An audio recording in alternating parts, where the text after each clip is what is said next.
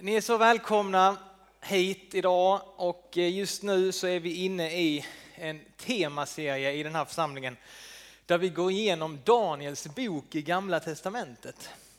Vi studerar Daniel i Gamla Testamentet och mitt namn är Daniel Svensson och jag är präst här. Men nu är det alltså inte mig vi studerar. Men Daniels bok det handlar om Guds folk som har haft ett eget land och haft ett eget tempel och de har haft liksom sin kultur, sitt land och varit Guds folk, Guds land och tempel alltihopa. Men sen har de, eh, på grund av att de har övergett sin Gud, så har de blivit förda bort till ett annat land. Och nu är de alltså i en annan kultur, i en annan stad.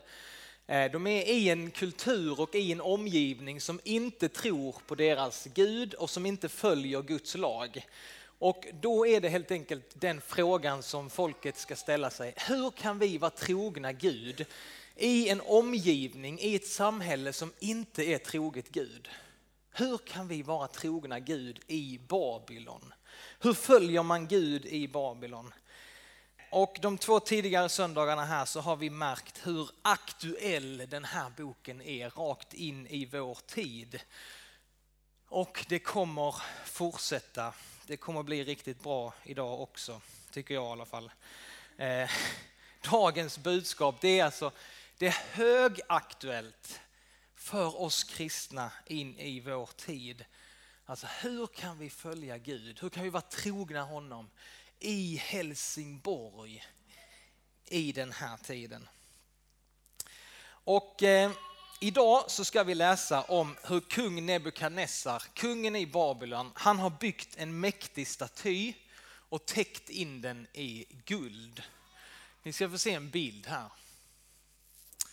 eh, på en staty. Detta är en obelix på Slottsbacken utanför slottet i Stockholm och ni kanske har sett den, ni kanske har varit där, men det ger bara en liten bild för, för den här är 30 meter hög och den har samma proportioner som den staty som Nebukadnessar byggde för sig i Babylon. Så han byggde alltså en sån här staty, man vet inte riktigt hur den såg ut, va?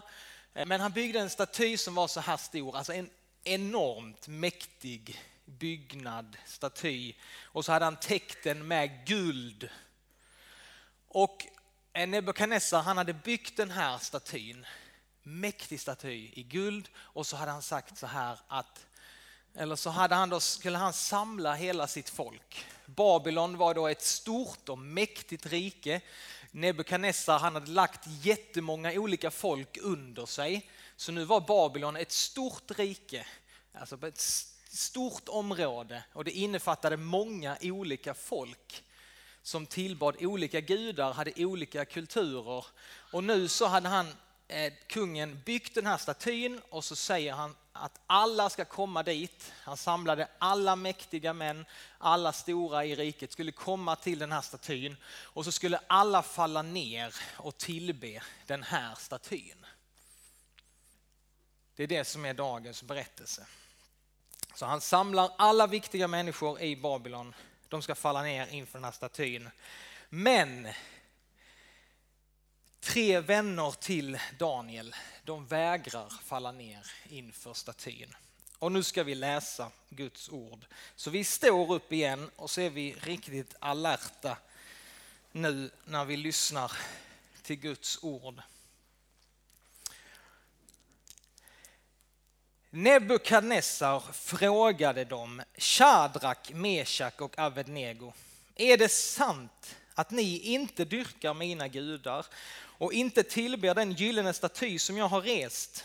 Alltså är ni beredda att i samma stund som ni hör ljudet av horn, pipa, sittra, luta, saltare, säckpipa och andra instrument falla ner och tillbe den staty som jag har låtit göra. Om ni vägrar att tillbe kommer ni genast att kastas i en brinnande ugn. Vilken Gud kan då rädda er ur mitt våld? Shadrak, Meshak och Avnego sade till kung Nebukadnessar, vi behöver inte ge dig något svar.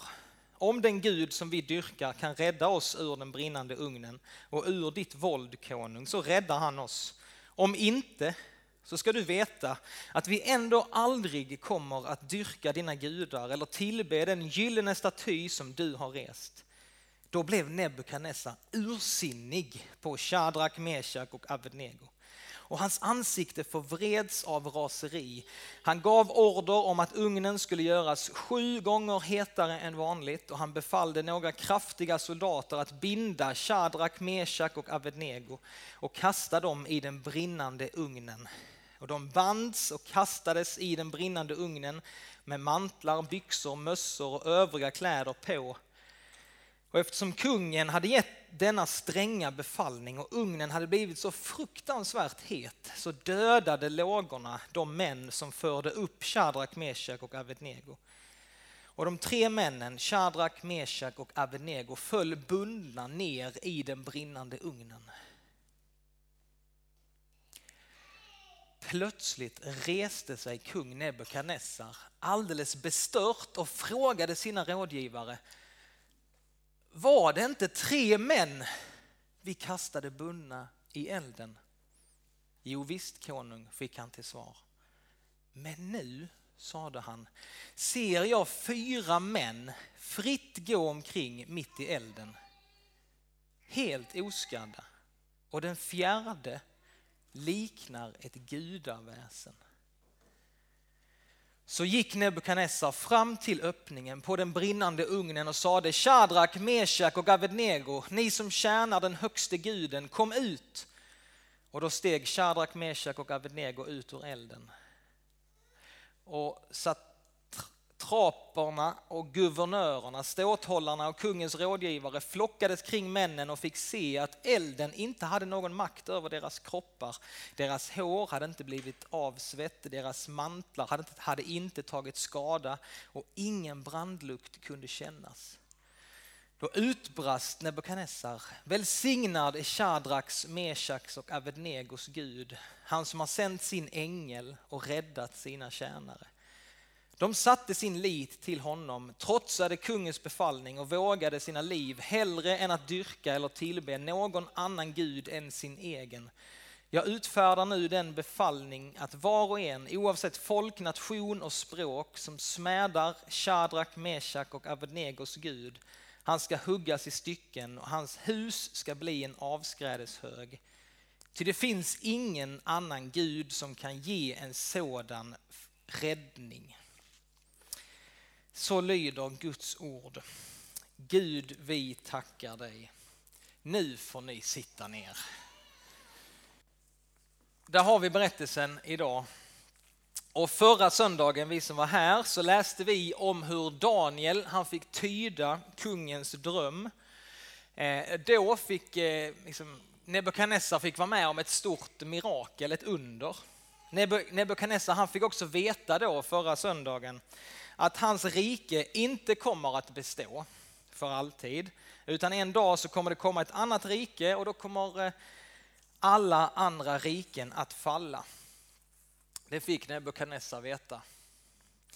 Men istället för att omvända sig till den levande guden så fortsätter nu Nebukadnessar att arbeta ännu hårdare för att försöka ena sitt stora rike.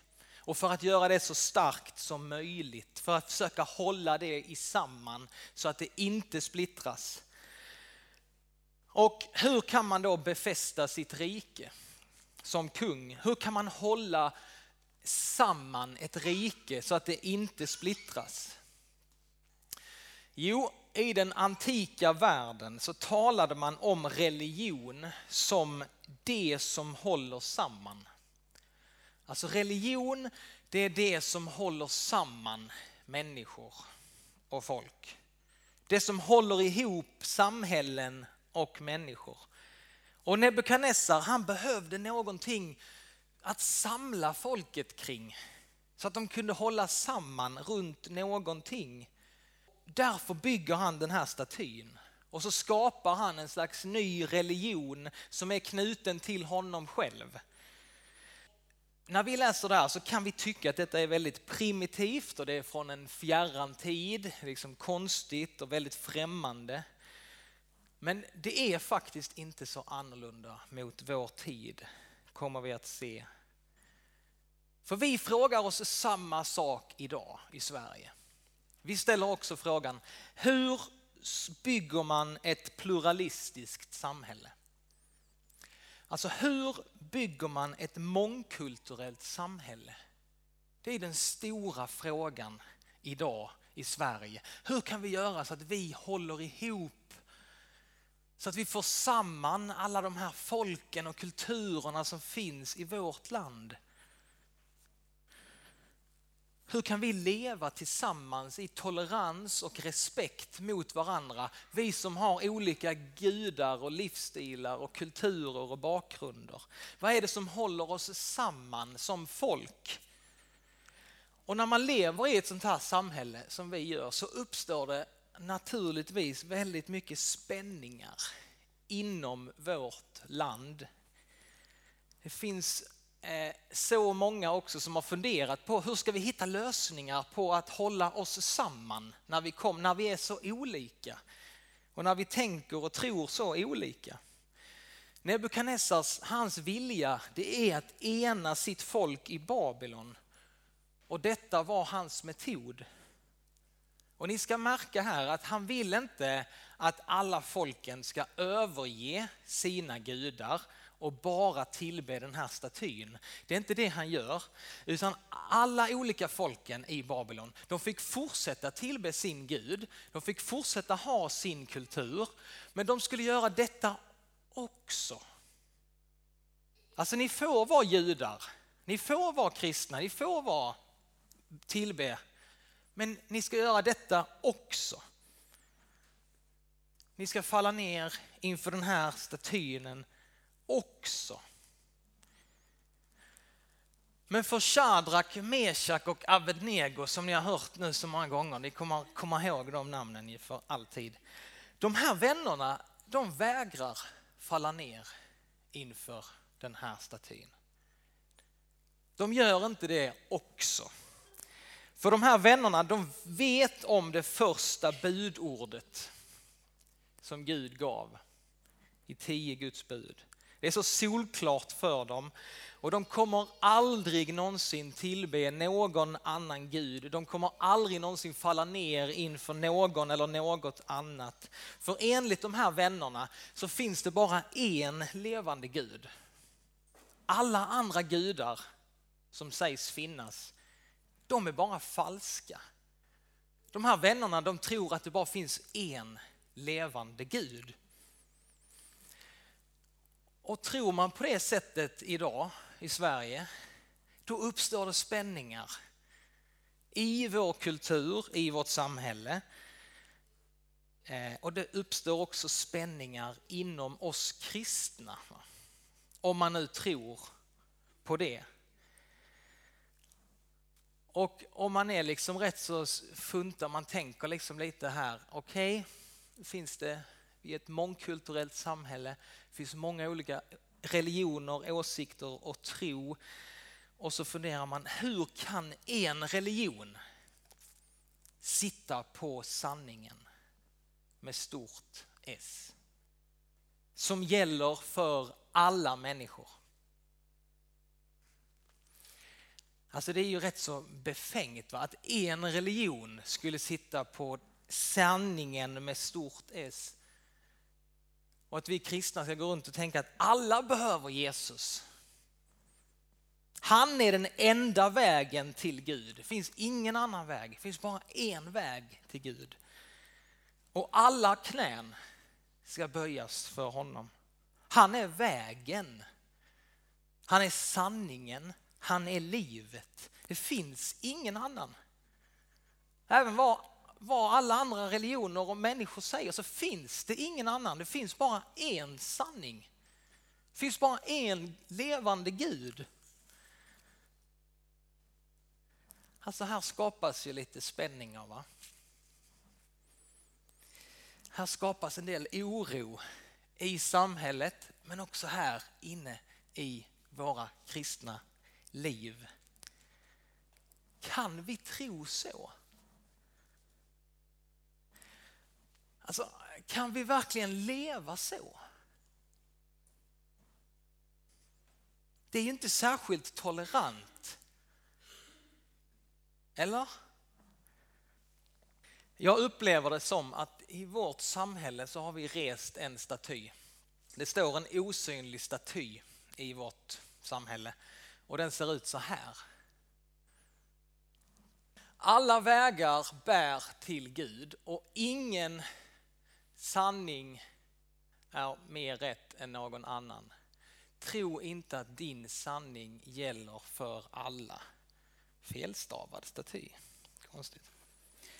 Alla vägar bär till Gud och ingen sanning är mer rätt än någon annan. Tro inte att din sanning gäller för alla. Den här statyn, den står, det är så här vi tänker. Det är så här vi vill bygga ett mångkulturellt samhälle idag. Det finns också människor som tänker och det finns en medveten strategi i vår tid. Alltså om vårt samhälle ska kunna hålla samman då måste alla gå med på detta. Och de grupper i samhället som har en absolut sanning som gäller alla, de är farliga. Och de kallar vi för otoleranta. Och vem vill vara otolerant idag i Sverige idag? Så det är ingen, det är det värsta man kan bli anklagad för. Vem vill vara otolerant? Ingen. Och därför så faller vi ner och så tillber vi inför den här statyn. Och så går vi med på detta. Stora delar av kyrkan går med på detta. Det är så här, så här vi ska bygga ett samhälle. Stora delar av kyrkan, av kristna. Och vad gör man när man faller ner inför den här statyn? Jo, då lämnar man sin Gud och hans bud. Och så erkänner man, vi kristna, vi erkänner att det finns andra vägar också till Gud. Det finns andra gudar att tillbe. Och missionen behövs inte längre i vår tid. Vi behöver inte missionera längre, utan det enda det handlar om är att människor ska må bra så länge de gör det som de vill. Alltså kyrkan finns till för att människor ska må bra och få en ökad livskvalitet.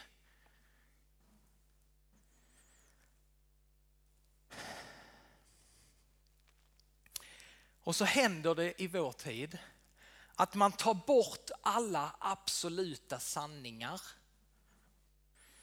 och så ersätter man dem med en annan absolut sanning. Detta är en absolut sanning. Så det, är så, det, alltså det går inte ihop.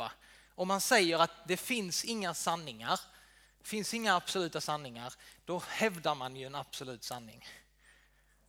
Och det går, inte, alltså det går inte ihop. Då får man ju säga att det finns inga absoluta sanningar och därför kan inte jag säga så här heller. Alltså det fin alla har vi absoluta sanningar om någonting. Om man säger alla blir saliga på sin tro. Det känns ju så himla tolerant men det är en absolut sanning. Och vem har, vem har berättat det för dig? För då måste man ha något sånt här, då måste man vara över Gud. Och så har man ett perspektiv som ingen annan har. Man ser på hela alltihopa och så ser man att allting går, alla vägar bär till Gud. Och så låter det så himla tolerant. Men det är en absolut sanning. Och vad har man för grund i det påståendet? Hur tolerant är man egentligen? För det som är så intressant med vår tid också, att det kan verka så tolerant. Alltså vårt samhälle, vår kultur, det kan verka så tolerant. Vi håller upp liksom allas lika värde, allas frihet att välja vad man vill, vem man vill.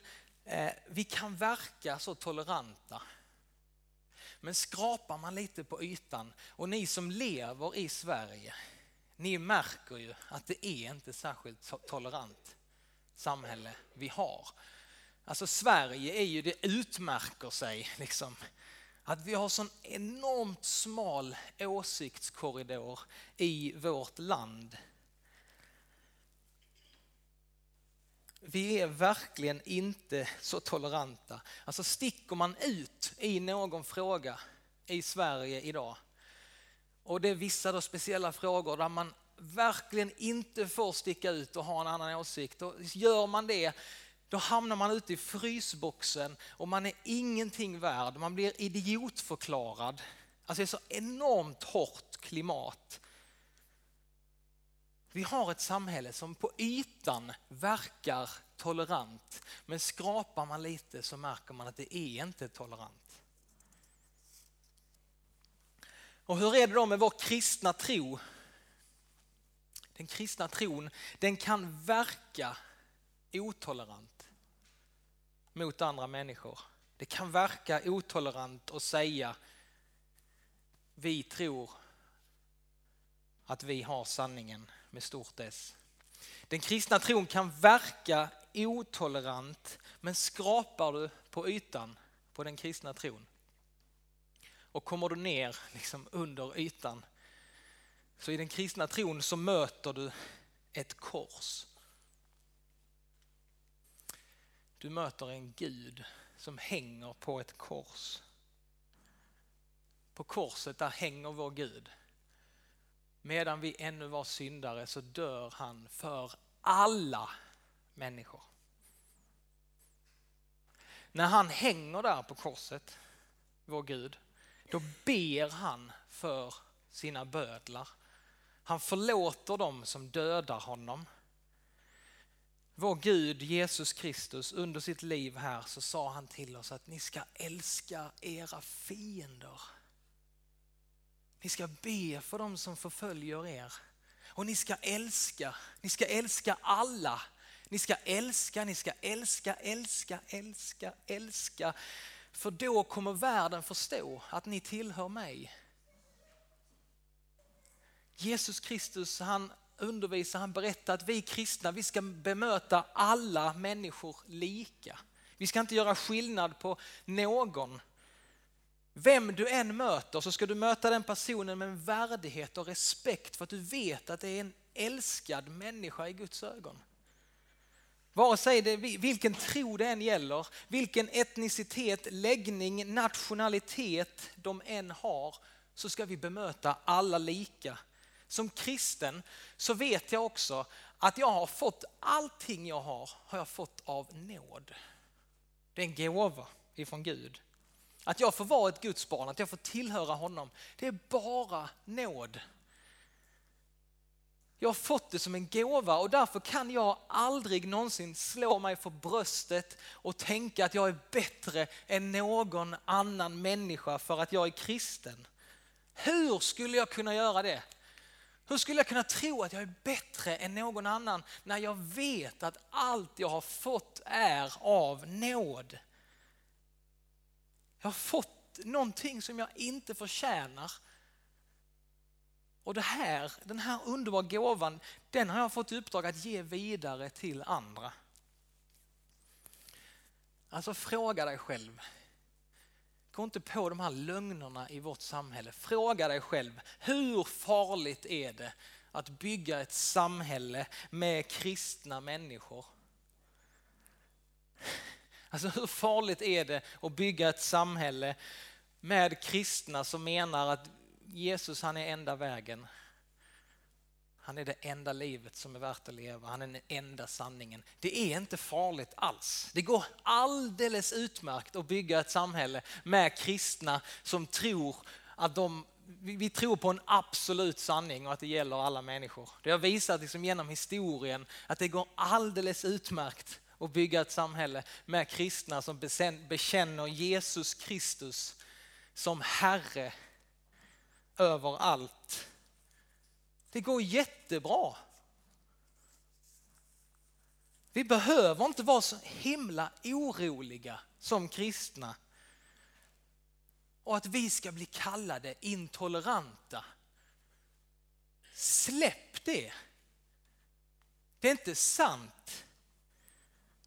Vi kristna, vi vet att vi inte är bättre än någon annan. Vi vet att det är enbart genom Guds nåd som vi får vara hans.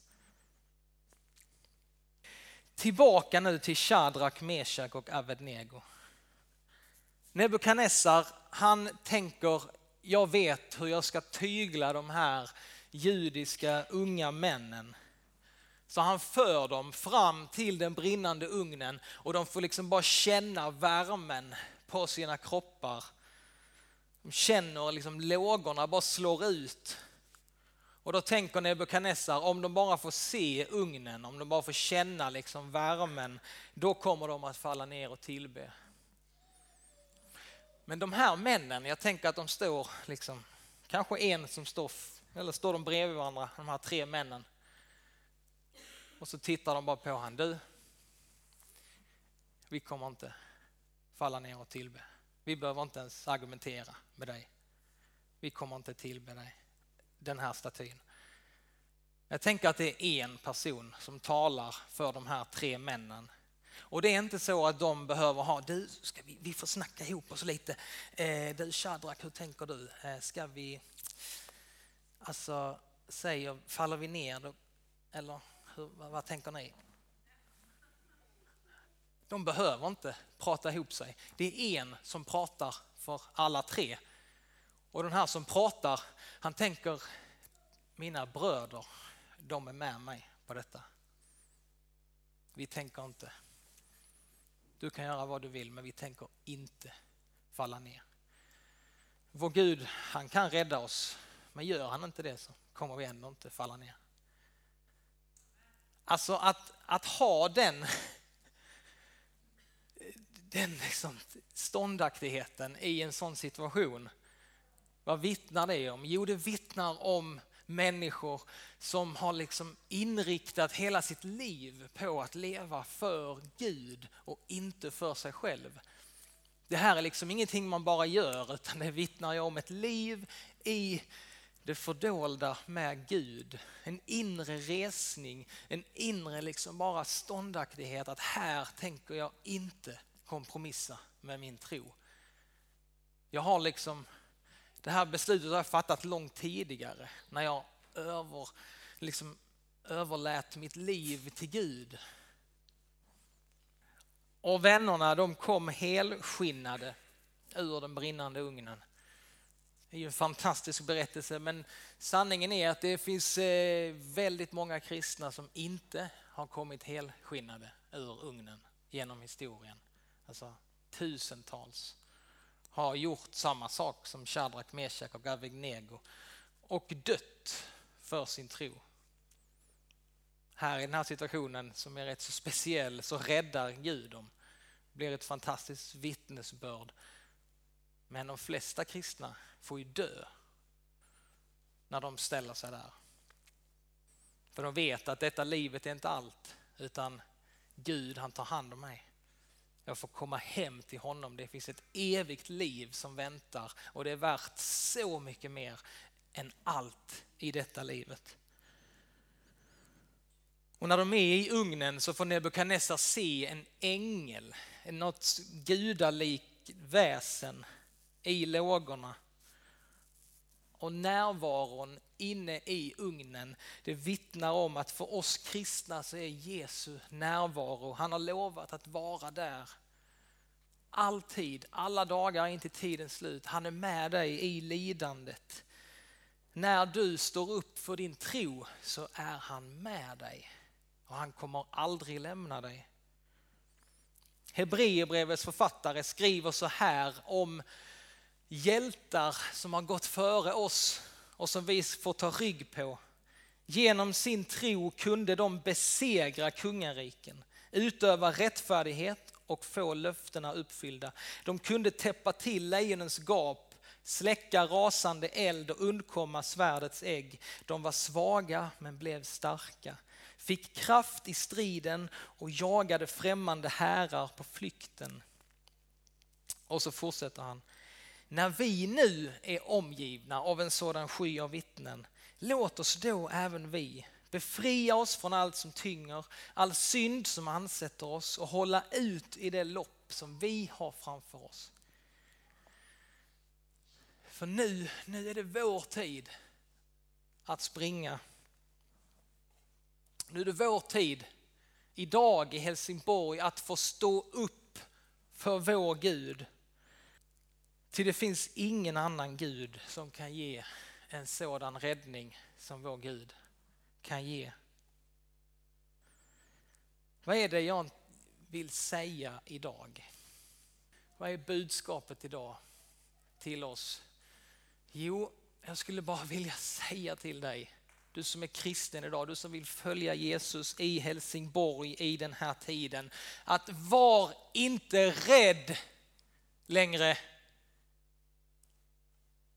Sluta vara rädd för att du ska vara otolerant i det här samhället. Att du ska bli anklagad för det. Det är så dumt och det är en lögn som finns i vår tid. Att vi ska vara rädda för att framstå som otoleranta och i vår rädsla så berättar vi inte om den Gud som kan rädda till evigt liv. Idag i vår tid så behöver vi stå upp för vår tro. Det är inte otolerant. Människor får tro vad de vill, de får ha sina absoluta sanningar. Men vi tror på Jesus Kristus, vi tror att han är räddningen för alla människor. Och det finns så många ah, i vår stad som bara behöver höra det. Som behöver det hoppet som vi äger. Som kan förvandla liv, förvandla samhällen. Och så tänker vi, nej vi ska inte, jag ska inte berätta för det, jag kan det. Jo, du ska berätta om det. För det är så underbart och det är så många som behöver det. Så sluta vara rädd. Och idag så vill vi också ge möjlighet för dig som vill ta emot Jesus, kanske för första gången. Du ska inte falla ner inför någon staty, men vi vill ge möjlighet för dig att falla ner inför Jesus Kristus och bekänna honom som Herre. Och har du inte gjort det någon gång så är du välkommen. Vi har förebedjare här som gärna vill be tillsammans med dig. Och vill du det så är det bara kom, kom fram till oss. Du kan avgöra dig i ditt hjärta för Jesus. Men det är också en väldig kraft att få komma till en, ett kristet syskon och säga att jag vill ta emot Jesus idag. Jag vill avgöra mig för honom. Jag vill att han ska vara Herre. Och att han ska vara, jag vill bekänna honom som den enda sanne levande guden. Inte som en väg, utan som vägen. Vi ber Herre kom till oss med din heligande. Herre vi klarar ingenting utan dig. Men genom din heliga Ande så vill du använda oss. Att få sprida din kärlek, sprida ditt hopp, sprida tro i den här världen. Herre, ge oss kraft att få stå upp för dig. Tack för att din kärlek fördriver all rädsla. I Jesu namn. Amen.